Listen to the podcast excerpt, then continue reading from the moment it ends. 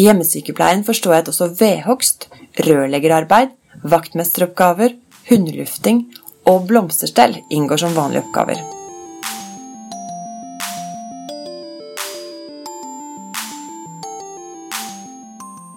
Hei, og velkommen til Sykepleiens podkast.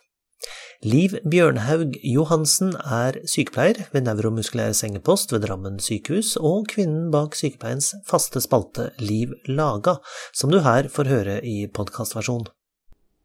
I dag er tittelen Jack of all trades.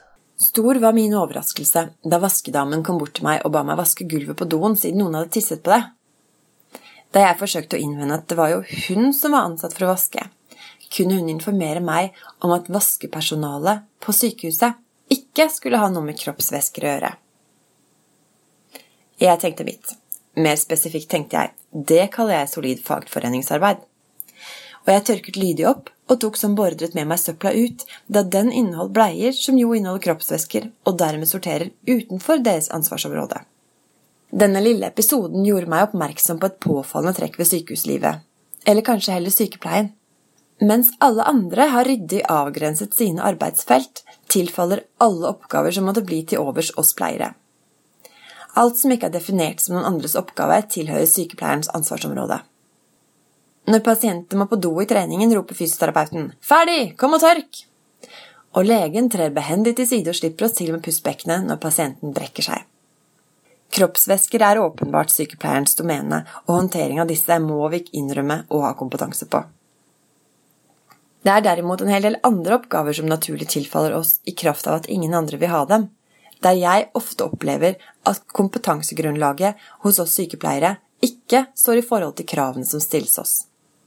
Eksempelvis forventer de fleste pårørende at jeg skal være i stand til å stille inn kanaler på TV-en, installere trådløst nett på private nettbrett og PC, samt reparere småelektriske apparater som ikke fungerer. Siden IT-supporten vår består av et telefonnummer vi kan ringe for å stå på vent i fem minutter, for så å få snakke med en mann i en annen by som sier 'Har du prøvd å restarte?' faller også det meste av feilsøking og vedlikehold av IT på vår kappe. Er logopeden syk, driver vi språktrening.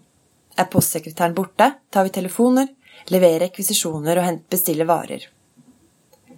I hjemmesykepleien forstår jeg at også vedhogst, rørleggerarbeid, vaktmesteroppgaver hundelufting og blomsterstell inngår som vanlige oppgaver.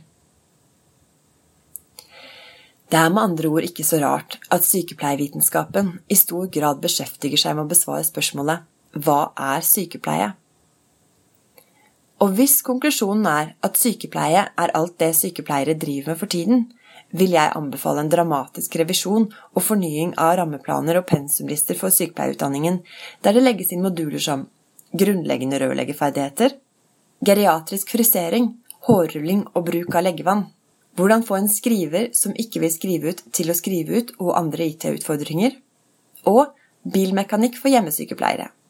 På denne måten kan vi sikre at kompetansegrunnlaget og de reelle faglige utfordringene samsvarer. Det var Liv Bjørnhaug Johansen med sin faste spalte Liv laga. Om du vil høre flere episoder av Sykepleiens podkast, så finner du alle sammen på sykepleien.no, på iTunes og på podbean.com. Om du bruker iTunes, så setter vi pris på en liten anmeldelse eller vurdering, og du kan også sende inn det du måtte ha av kommentarer og innspill til redaksjonen at sykepleien.no. Du når oss også via Sykepleiens Facebook-side eller vår Twitter-konto. Jeg heter Ingvald Bergsagel. Vi høres.